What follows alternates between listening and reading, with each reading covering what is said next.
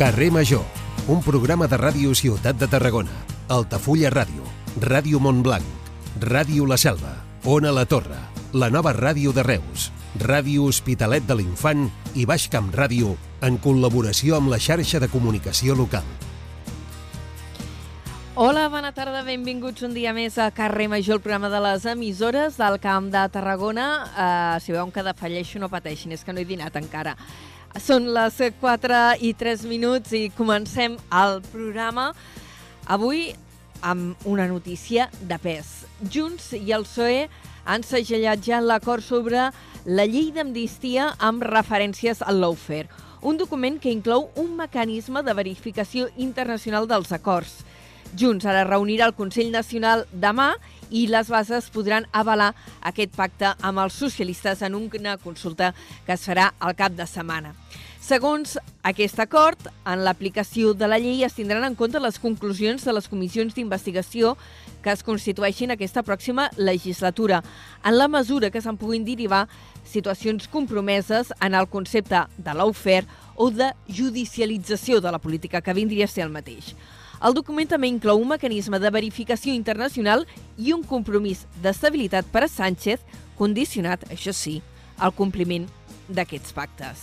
Reaccions girades, evidentment, a part, a, per part del PP, que diu que aquest pacte entre el PSOE i Junts humilia l'Estat. Han dit literalment que és una infàmia política, jurídica i moral. I si agafem les paraules de la presidenta de la Comunitat de Madrid, ha dit que l'acord entre el PSOE i Junts és l'inici d'una dictadura. Això és notícia en una jornada en què també acabem de saber fa poca estona que han disparat un tret a la cara a l'exlíder del Partit Popular de Catalunya, Aleix Vidal Quadres, a Madrid. Ha estat evacuat en un hospital a Madrid mateix, es troba conscient i, segons acabem de saber, està sent intervingut. I en clau local, avui notícies destacades del Port de Tarragona. Tenim moltíssimes coses avui al territori.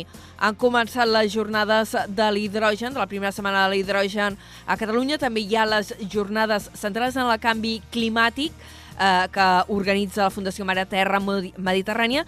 Tenim un fòrum eh, sobre agricultura, un fòrum empresarial d'agricultura en presència del ministre en funcions inclòs, i a més el Port de Tarragona ha anunciat qüestions importants. D'una banda, que hi ha tret a informació pública l'estudi d'impacte ambiental del contradic de Ponent, un pas més, doncs, per a aquest projecte estratègic. I, d'altra banda, ha rebut ja una sentència judicial que li permet expropiar l'última finca que quedava pendent per poder tirar endavant la recuperació ecològica dels terrenys dels Prats d'Albinyana, tocada a la Pineda, una zona humida protegida dins de la xarxa Natura 2000. Ja veieu que anem carregadíssims d'actualitat.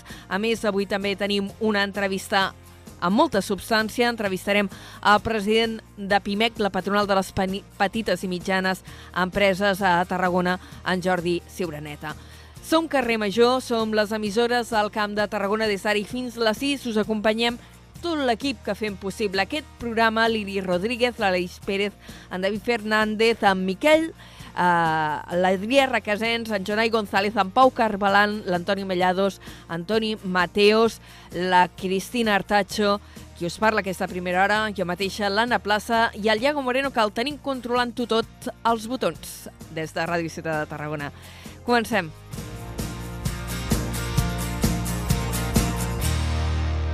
Carrer Major, Anna Plaza i Jonai González.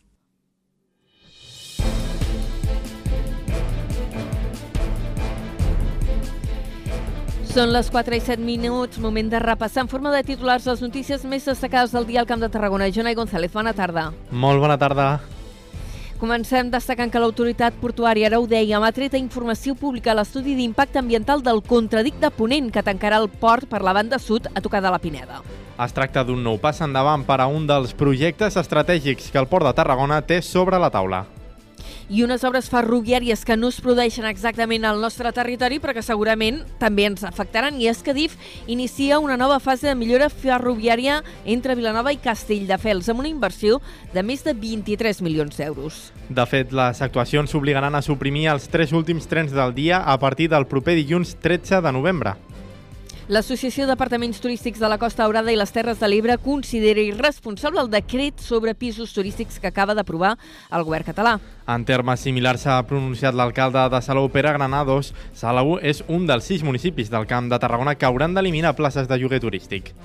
I hem de lamentar avui un accident laboral mortal. Aquesta nit ha mort un home de 38 anys mentre reparava maquinària en una empresa de l'Espluga de Francolí.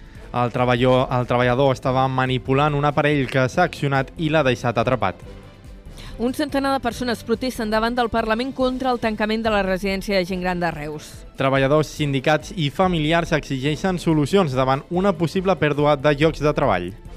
El Fòrum Binàrium arriba aquest cap de setmana a la Peralta a Tarragona, a la seva cinquena edició. Es tracta d'una proposta enoturística que oferirà els millors vins del territori i estarà acompanyada de música i de gastronomia. I en futbol farem la crònica del derbi tarragoní de tercera federació entre el Reus i la Pobla, que va finalitzar ahir dimecres amb empat. Reusencs i pobletans van empatar a un amb golaços i es van repartir els punts. I en cultura parlem d'una de les festes grans que es fan aquí al nostre territori, que és el Cos Blanc de Salou, que l'any vinent canviarà d'escenari. La festa major d'hivern passarà a celebrar-se al passeig Jaume I. L'Ajuntament salouenc ho va comunicar fa uns dies a les colles participants. Moltes gràcies, Jonai. D'aquí mitja hora ampliem aquesta i altres notícies. Moltes gràcies. Fins, Fins ara. després.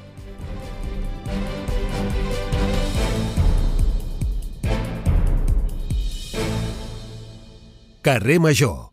Toni Mateos.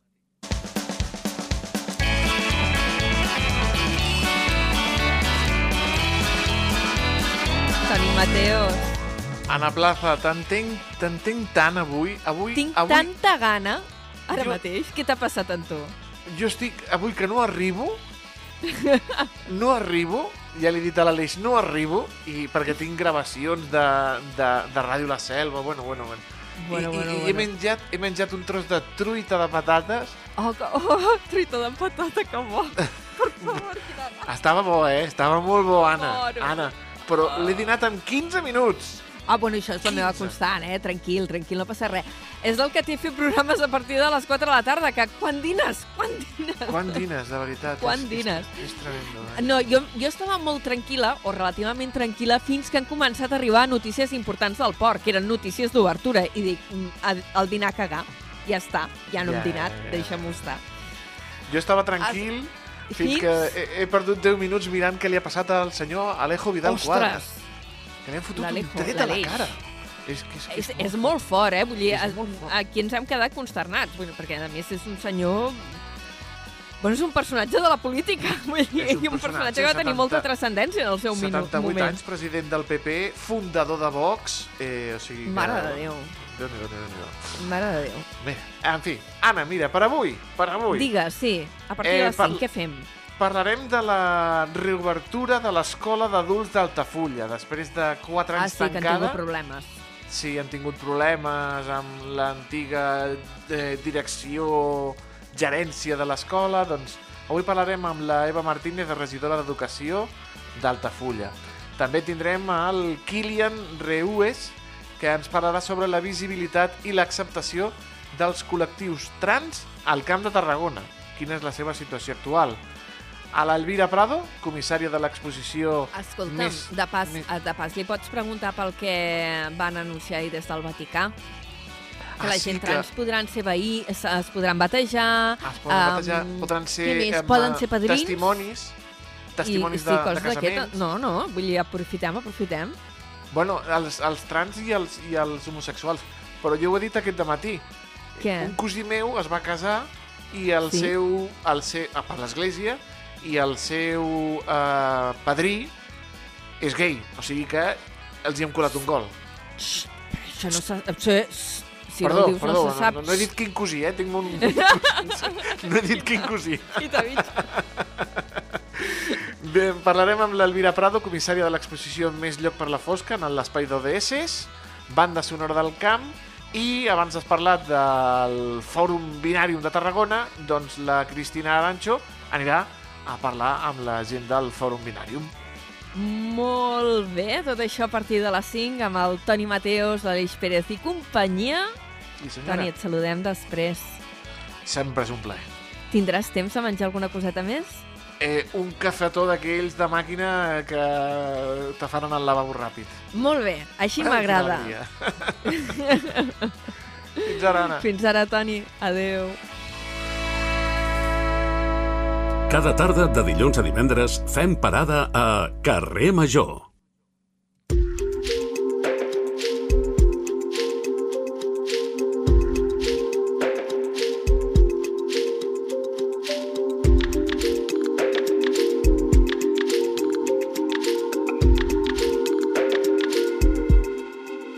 D'aquí no res, dos minutets, eh, serem eh, a un quart de cinc de, de la tarda. És moment de posar-nos, després del, de la mica de broma que sempre fem amb Antoni Mateus, és moment de posar-nos més seriosos per donar la benvinguda el nostre primer convidat del programa és en Jordi Ciuraneta, el president de PIMEC Tarragona, i l'hem convidat aprofitant la vinantesa que tot just ahir eh, presentaven la memòria anual de les petites i mitjanes empreses amb dades referents aquí al nostre territori. Senyor Ciuraneta, molt bona tarda i benvingut a Carrer Major.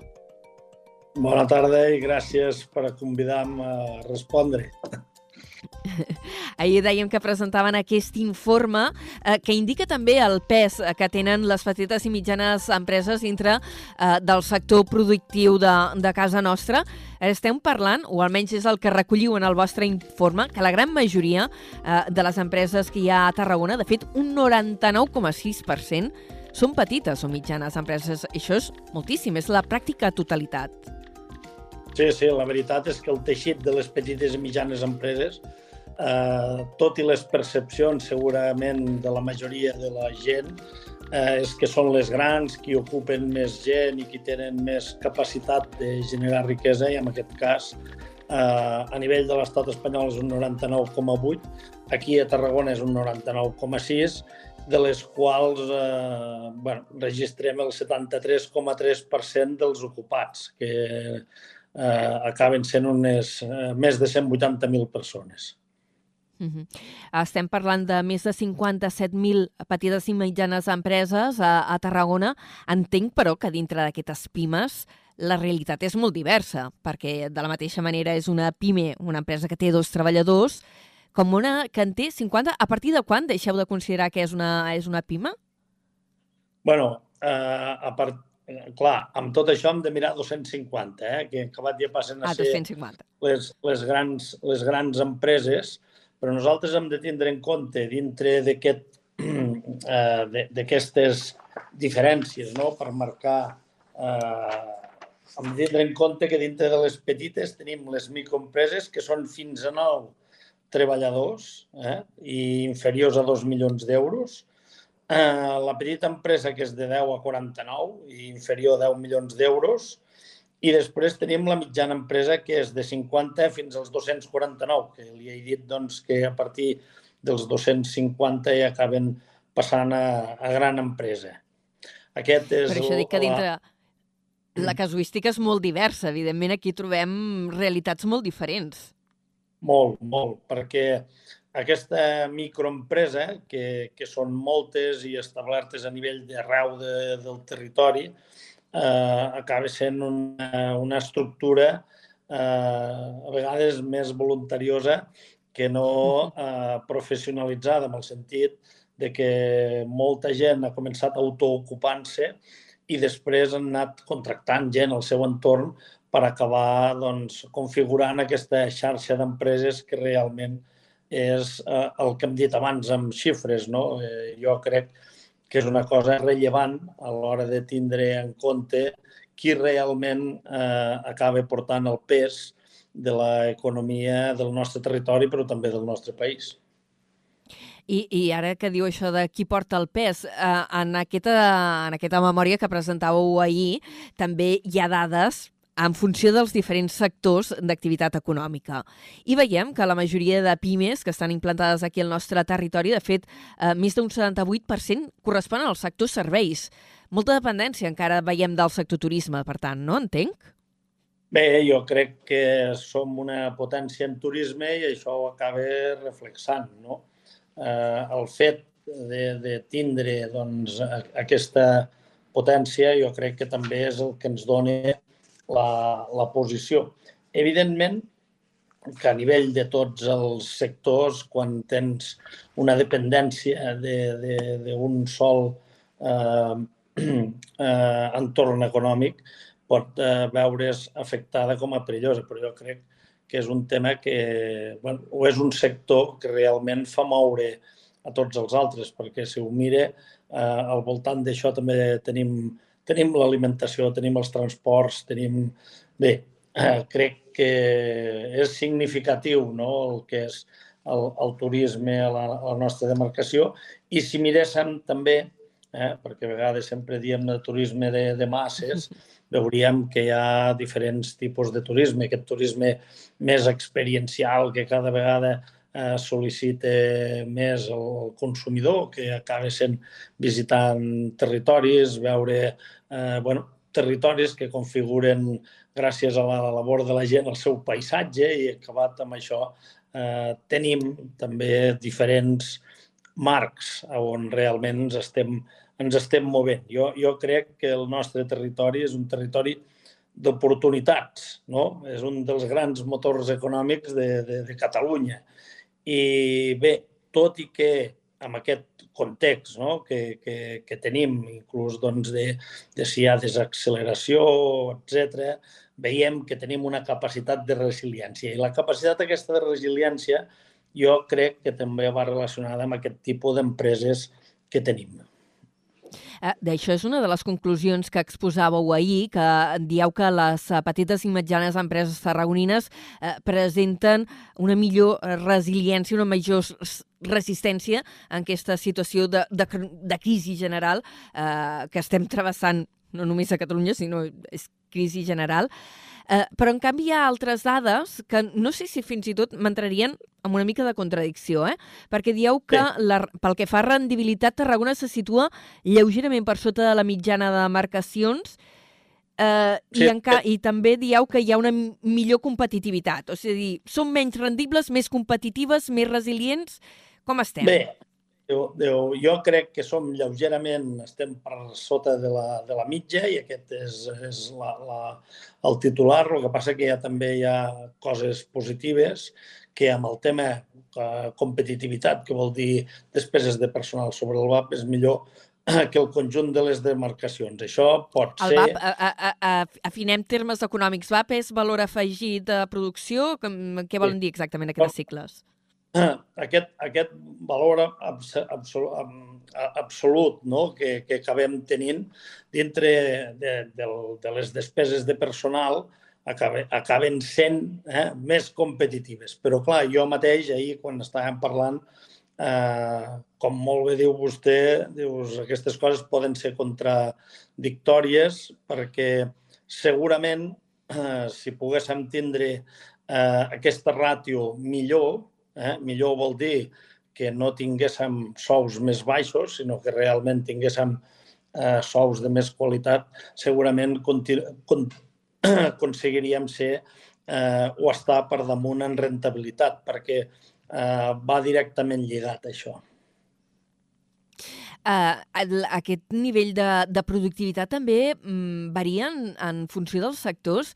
Eh, I m'ha cridat l'atenció que dintre del sector de la construcció dieu que la productivitat és més baixa, eh, és la més baixa després del sector primari, en què també hi ha molt poca productivitat, i que a més es troba per sota de la mitjana d'altres demarcacions.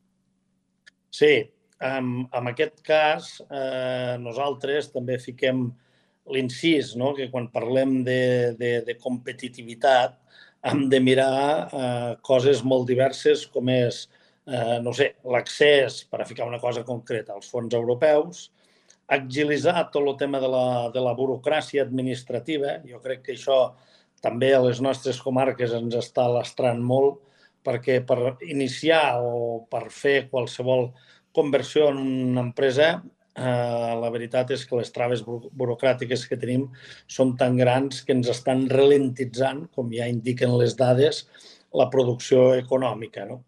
I després també la millora de les infraestructures. La millora de les eh, infraestructures eh, crec que ens debilita molt el nostre creixement econòmic.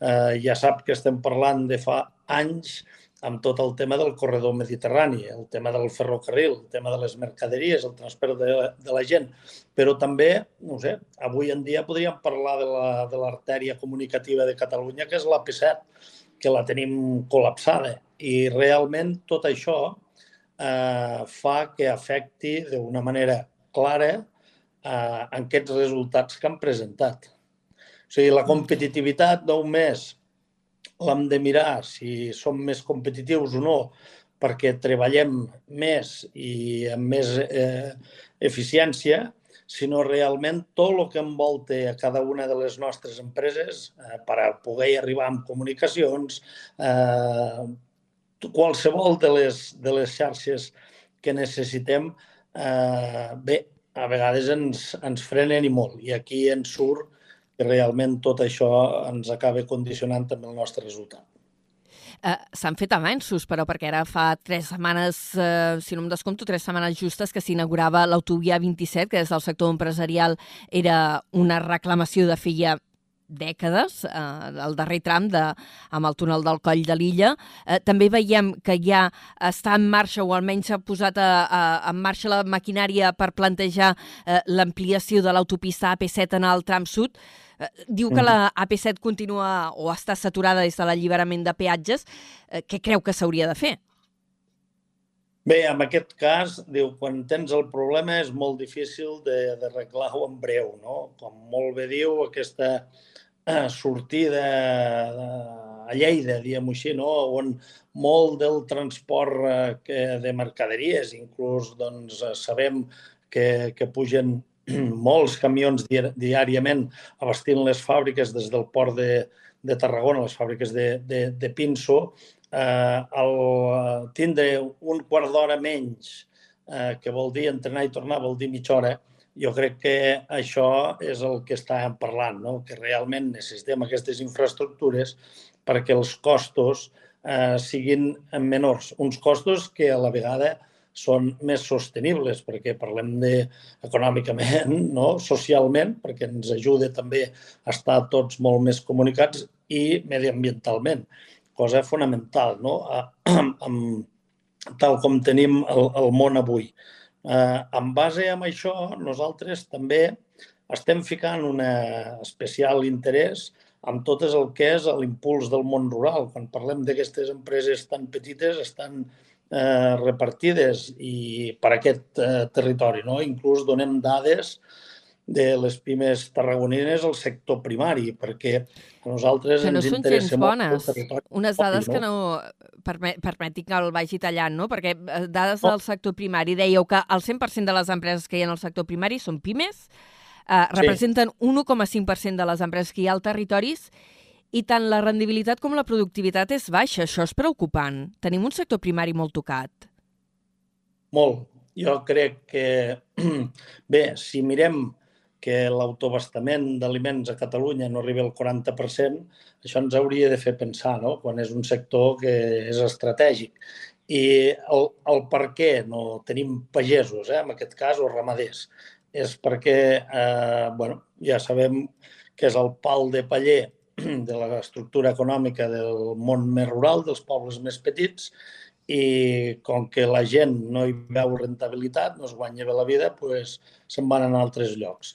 Jo crec que aquí és un dels punts que hauríem de ficar molta atenció si no volem tindre un territori erm, que, que això vol dir que no és sostenible, i unes grans ciutats col·lapsades. Eh, bé, no sé, jo sóc d'un poble de 360 habitants, que en tenia 600 eh, fa 40 anys i que amb 10 anys més potser serem 150.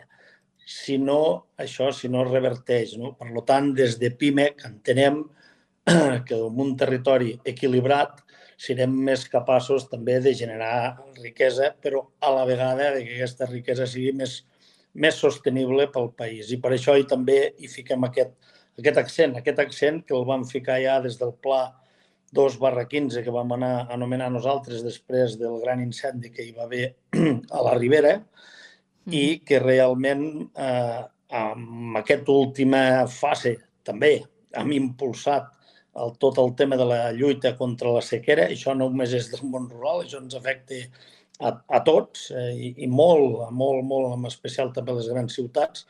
I eh, voldria recordar que PIMEC va ser el que va impulsar un manifest eh, pel qual proposa l'impuls d'un gran acord per la gestió de l'aigua. Això ja s'ha iniciat eh, i creiem que és un debat de cohesió territorial. Moltes vegades ens, fiquem, ens fixem amb les xifres, no? això que dèiem mateix del sector primari, amb aquest eh, 1,5% eh, que és el que representa aquest sector respecte als altres, i dius, bueno, doncs aquí hi ha molt poca gent, evidentment, però alguna cosa hem digut fer o no hem fet prou bé perquè realment haguem arribat a aquest punt, quan sabem que en aquests entorns la qualitat de vida és, és millor, que han millorat molt amb infraestructures, amb connexions de tot tipus, però alguna cosa no estem fent bé quan les rentes dels pobles, eh, no sé, Terres de l'Ebre em sembla que té 11 pobles que són dels més desafavorits de Catalunya eh, comarques eh, amb una baixa densitat de població, quan amb recursos eh, naturals i recursos de possibilitats de tindre grans empreses, inclús pel fet de tindre l'aigua, eh, això no, no és així.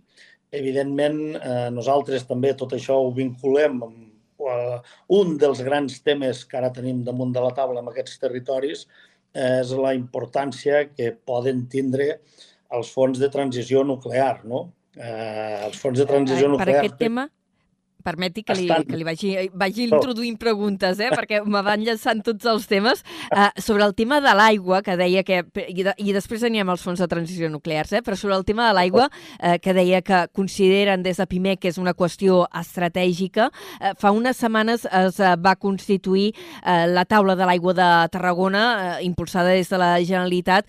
Sé que hi va haver uh, sector empresarial present. Uh, no sé si PIMEC també hi vau ser presents i quin, perill, eh, quin paper eh, creieu que pot jugar aquesta taula? Bé, no, no, nosaltres estem presents a totes les taules. El que passa que també eh, estem veient que hi ha moltes taules i, i molt debat, però al final poca acció.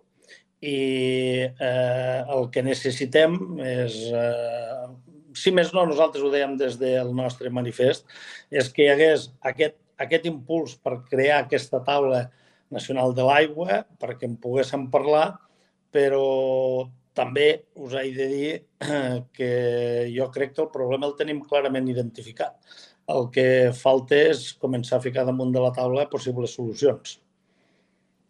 I del tema dels fons de transició nuclear, clar, és un tema candent perquè ara teòricament estava a punt de tancar, si no m'equivoco, eh, perquè això ja ho dic de memòria, el període per sol·licitar eh, aquests ajuts a la primera convocatòria, també per part de les empreses. Com, com ha anat el procés? Bé, la, la veritat és que nosaltres estem des del primer dia, jo diria més eh, expectants que participants, amb el sentit que tot el que hem anat fent fins ara ens ha portat a on som. Un any, eh, el primer any, jo diria perdut per les empreses, perquè al final aquests fons nuclears s'han acabat eh, repartint entre els municipis. Esperem que aquests municipis tinguin la capacitat de poder fer unes bases perquè realment ens hi puguem acollir, però a l'alçada de l'any que estem ja ho dubtem. No? I després, arrel de l'última reunió que vam tindre la setmana passada, el que estem veient és que bueno, falta un reglament clar per a poder començar a afrontar el, el que és el, el 2024. Clar, nosaltres estem preocupats perquè eh, poder fer doncs, unes inversions sempre van eh, condicionades a saber en quin lloc ho has de presentar, com ho has de fer, en quines condicions doncs, eh, estàs.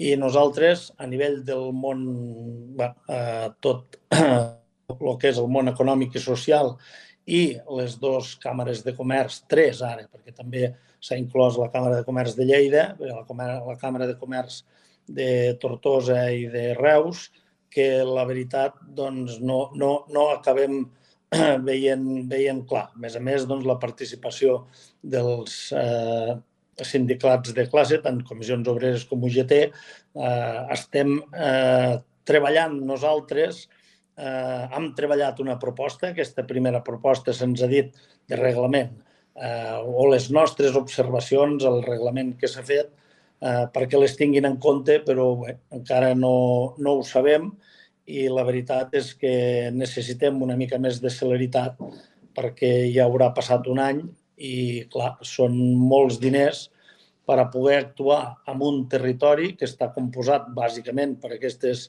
eh, micros, petites empreses, de mitjanes també n'hi ha, ha, ha poques en l'àmbit d'actuació directa, i afecten a 96 pobles. Per tant, uh -huh. eh, creiem no? que, que falta aquesta eh, conjugació d'una sèrie d'elements per a que realment tots en puguem estar satisfets. O sigui, primer, dir que és una gran notícia que hi pugui haver aquests fons, aquests fons que venen per a recuperar 2.000 llocs de treball que, per, que, es, que es perdran quan se tanquin les centrals nuclears i que estem parlant d'uns territoris que són molt desafavorits, que aquesta pèrdua de llocs de treball també farà que a moltes d'aquestes micros, petites empreses puguin eh, estar en perill i, per tant, nosaltres el, el, el que demanem no, d'una forma clara és que dintre del reglament s'articuli eh, una manera de poder treure qualsevol ordre que realment afecti directament a la realitat del teixit econòmic d'aquest territori. Cosa que el d'enguany la... no ha sigut digui'm, així. Digui'm. Mm-hmm. Enguany, eh, parlàveu també abans de dificultats burocràtiques. No sé si amb el tema del fons eh, de transició nuclear això també us fa por.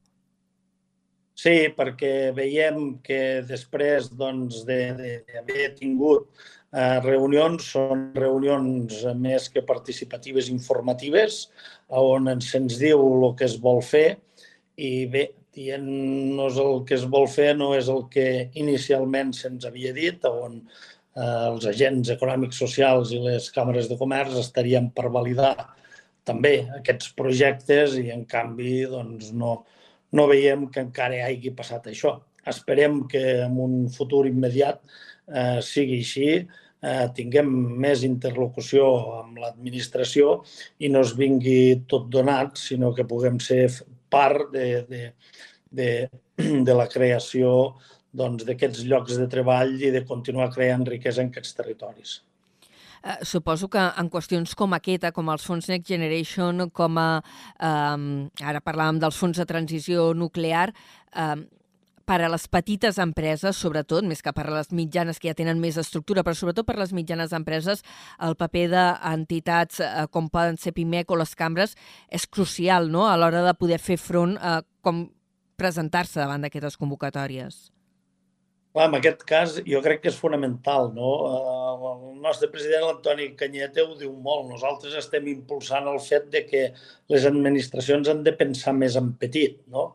Des de les contractacions que fan, que moltes d'elles doncs, eh, han quedat fora sistemàticament pel fet de ser petits, eh, crec que amb això estem avançant adequadament.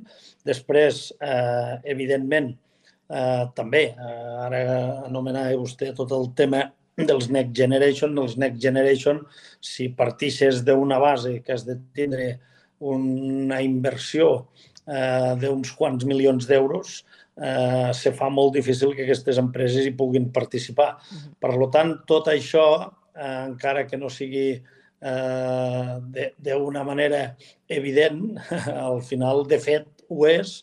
I bé, tot això jo crec que ens eh, dona un, un posicionament complicat. Inclús eh, una de les eh, batalles importants que està lliurant eh, PIMEC i que ara també des d'Europa hi ha donat una sèrie de respostes, que és el tema de la, de la morositat. No? Nosaltres també l'anomenem la morositat, que és que si es pagués eh, tot el que es deu en el temps que toque, hi hauria 83.000 milions d'euros que cobrarien també aquestes eh, empreses, eh? majoritàriament les petites i les mitjanes. Per tant, eh, crec que amb tot això estem donant unes xifres lo suficientment eloqüents com perquè tothom comenci a pensar a on és el veritable pol de creació de riquesa. Evidentment que necessitem empreses que vinguin al territori i que siguin tractores, no? I van venint i es van aconseguint aquestes eh, inversions, però a la vegada necessitem que el nostre teixit empresarial que tenim a les nostres comarques en surti eh, reeixit de totes aquestes iniciatives. I moltes vegades eh, emprem molts recursos, recursos vol dir temps, que també vol dir diners, amb solucionar moltes coses que ens preocupen a nivell burocràtic i que no ens acaben donant resposta. Moltes vegades eh, nosaltres també acabem dient potser hauríem d'avaluar les mateixes administracions quin cost representa real aquesta burocràcia amb aquests eh, números que han presentat doncs, de la falta, a vegades, de competitivitat en un determinat territori. Potser Senyor Ciuraneta, no, no, anava a dir que l'hauré de tallar perquè bàsicament són les 4 i 39 minuts i podrem estar xerrant moltíssima més estona, però tenim un sí. informatiu encara que hem de fer en aquesta primera hora i avui ens oh. arriba molt carregat de notícies, si no tindrem temps de, uh, de parlar de tot. Uh, en tot cas, li agraïm moltíssim que avui hagi uh, passat per carrer Major per analitzar les dades de l'estudi que presentàveu ahir de les pimes, de les petites mitjanes empreses a la demarcació de Tarragona i, uh, i de pas uh, poder parlar també alguna d'aquestes qüestions d'actualitat que tenim sobre la taula, com els fons de transició nuclear. Segur que tindrem temps de parlar amb alguna altra ocasió al llarg de la temporada. Moltíssimes gràcies. Gràcies a vosaltres quan vulgueu i quedem-nos sobretot amb que som un gran territori d'oportunitats. Moltes gràcies. Ens quedem amb aquest missatge. Moltes gràcies i fins la propera. Adéu-siau. Adéu, bona tarda. Adéu. Carrer Major, al Camp de Tarragona, des de ben a prop. 4 i 40 i com dèiem, jornada carregada de notícies també en clau local. Ho analitzem tot plegat amb el Jonai González. Bona tarda de nou, Jonai. Molt bona tarda de nou. I comencem parlant d'aquest nou pas endavant per a un dels projectes estratègics que el Port de Tarragona té sobre la taula. L'autoritat portuària ha tret ja informació pública l'estudi d'impacte ambiental del contradic de Ponent, el contradic que tancarà el port per la banda sud, a tocar de la Pineda.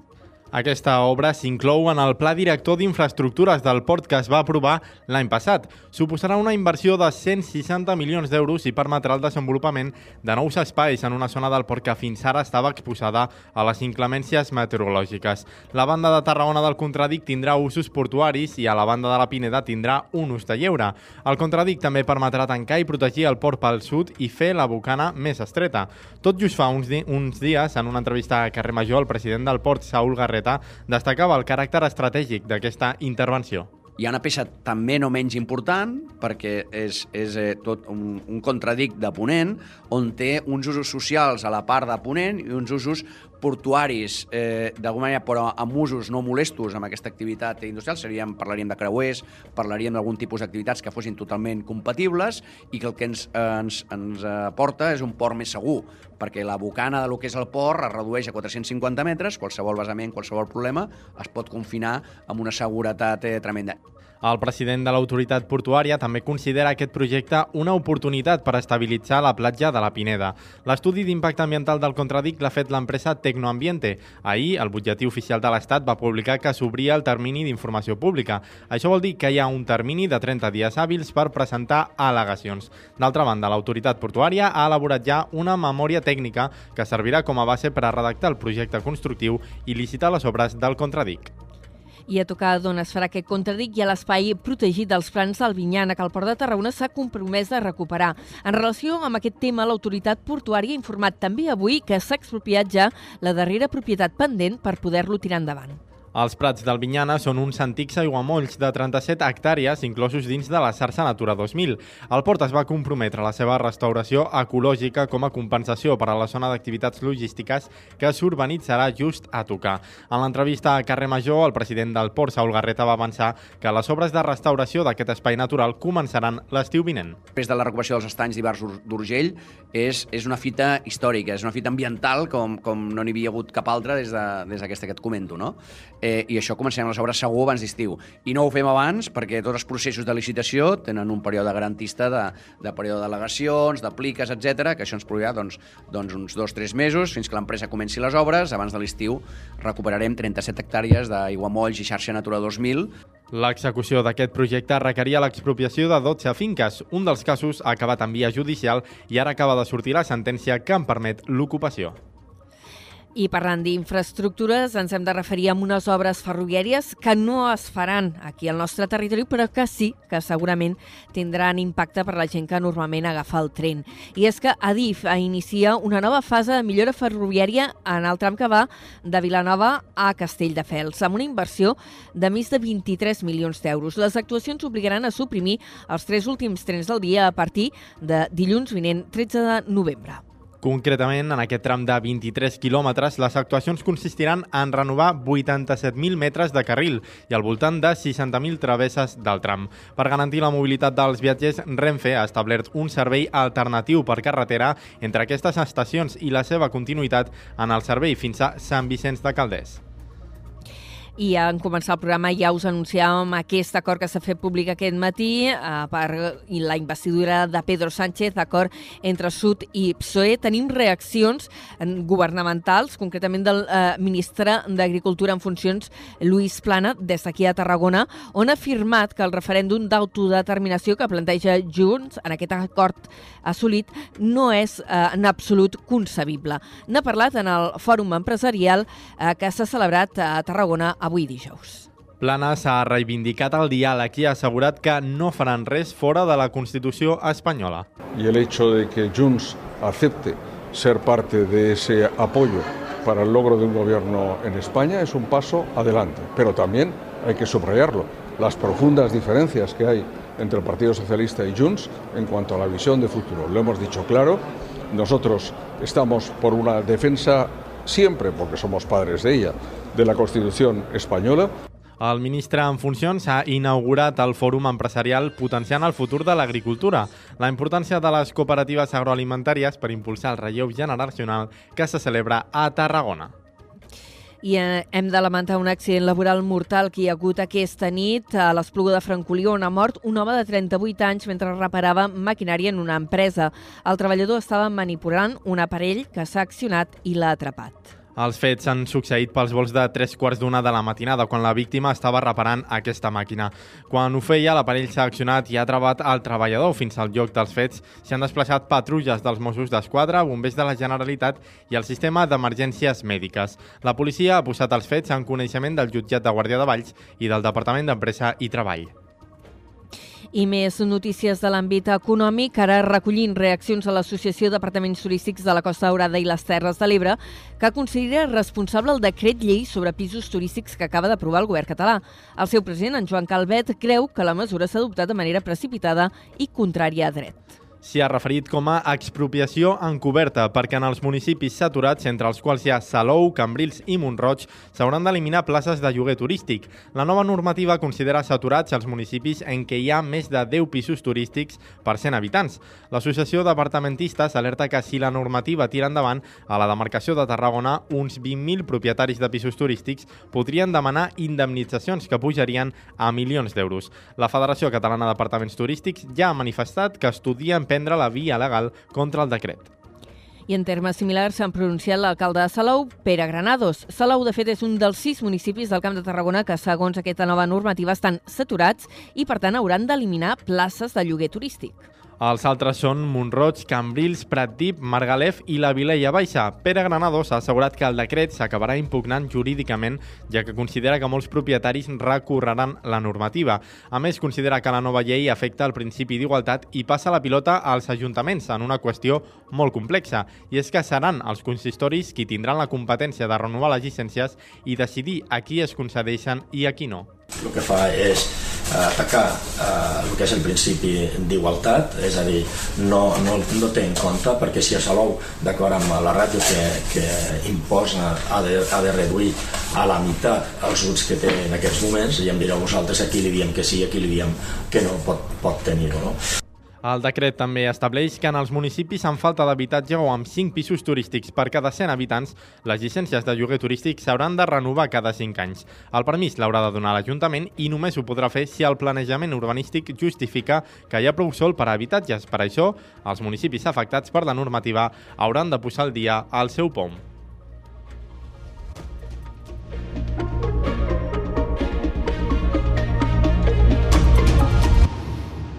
Passen 3 minuts de 3 quarts de 5 de la tarda. Detenen un jove de Reus que cultivava plantes de marihuana valorades en més de 360.000 euros. L'individu amagava la plantació en una casa de la urbanització Aigües Verds. Ens ho explica des de la nova ràdio de Reus, en David Fernández. Els Mossos d'Esquadra han desarticulat una plantació amb 955 plantes de marihuana en una casa de la urbanització Aigües Verds de Reus. 191 quilos de droga que equivaldrien a 367.000 euros. Els agents van comprovar que les plantes es trobaven en estat avançat de floració i que la xarxa elèctrica estava punxada. Segons la investigació, els ocupants de la casa l'havien llogat aportant documentació falsificada. El detingut, que està acusat pels delictes de tràfic de drogues, defraudació de fluid elèctric i falsificació documental, passarà en les pròximes hores a disposició judicial. Moltíssimes gràcies, David. I d'altra banda, hi ha cinc investigats a Riu de Canyes en una operació contra un grup que elaborava i venia roba presumptament falsificada per internet. L'operació ha permès a la Guàrdia Civil decomissar més de 6.000, 5.000, volem dir, 5.500 peces de roba falsificada que estaria valorada al mercat en uns 3 milions d'euros.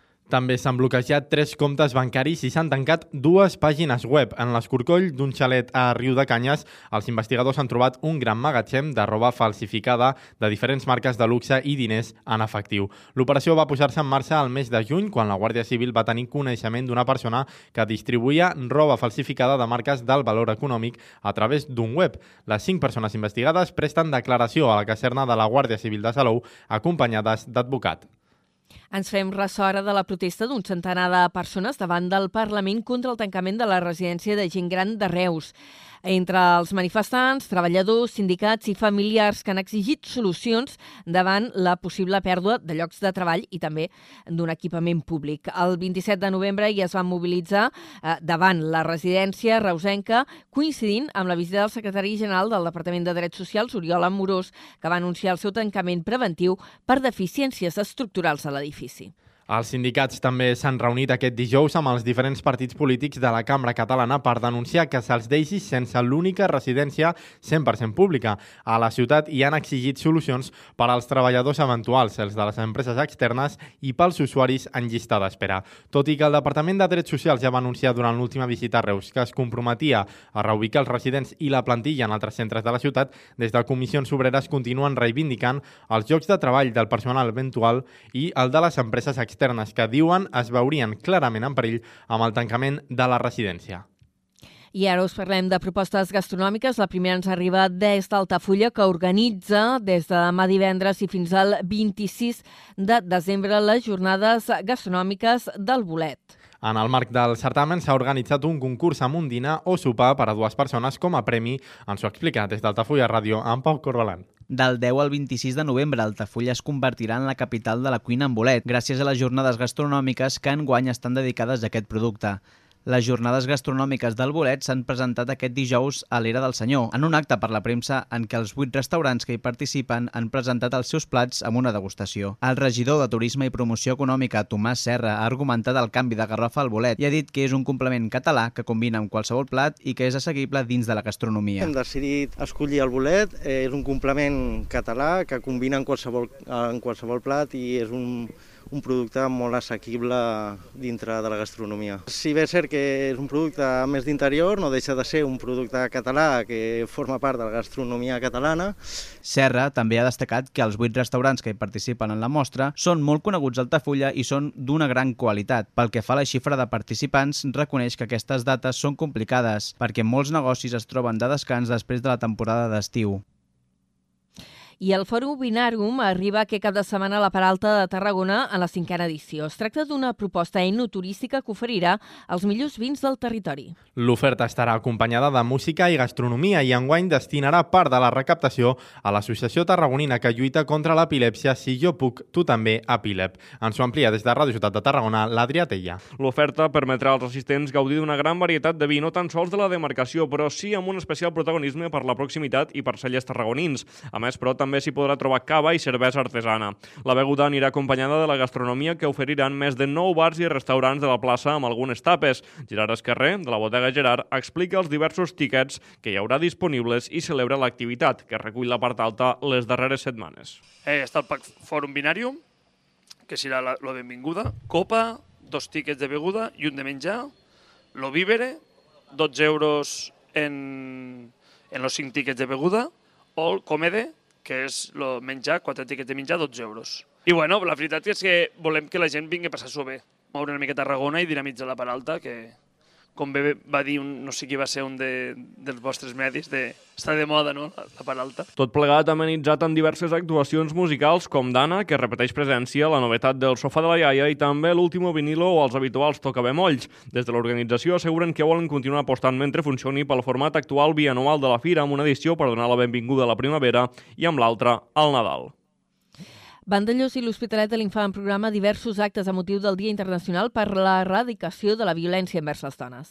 Entre els actes organitzats per l'Ajuntament pel 25N hi ha tallers, cinema, una xocolatada popular, un vermut musical i la lectura del manifest. Ens ho amplia des de Ràdio L'Hospitalet l'Iris Rodríguez.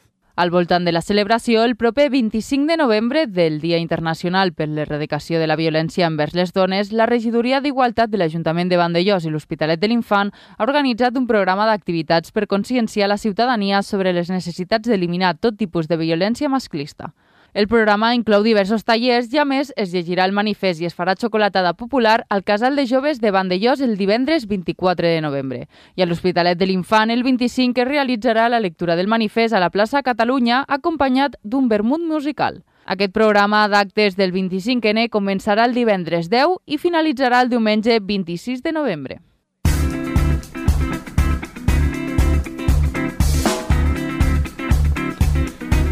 Posem directament la, la sintonia de cultura. Eh, fem però un petit apunt esportiu per dir que el derbi tarragoní de la tercera federació entre el Reus i la Pobla va finalitzar ahir dimecres amb empat. Reusencs i pobletans van empatar a un i es van repartir d'aquesta manera els punts. I en cultura, avui ens traslladem a Salou per parlar d'una de les festes més multitudinàries que es fan a Tarra al Camp de Tarragona.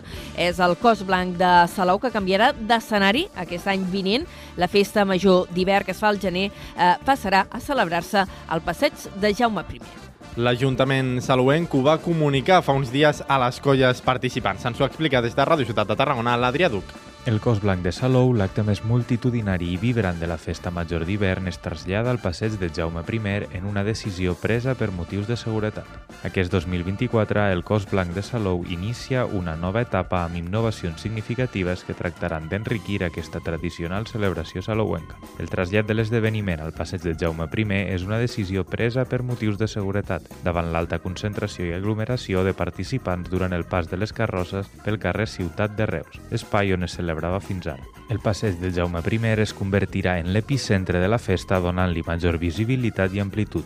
Xavier Montalà, regidor de festes, ha subratllat la importància de garantir que la festa prevista per al 3 de febrer de 2024 sigui una experiència segura tant per a la gran quantitat d'espectadors, que pot arribar a 45.000 persones, com per als més de 3.000 integrants de la desfilada de carrosses. Les colles participants, que tenen fins a l'1 de desembre per oficialitzar la seva participació, són unes 30, incloent-hi les carrosses de les Pubilles i de la Masia Tous. Doncs dit això, arribem al final d'aquesta primera hora del programa. Ara a les 5 pren el relleu Antoni Mateos, l'Aleix Pérez i tota la més gent de la segona hora del programa. Fins ara, adeu-siau.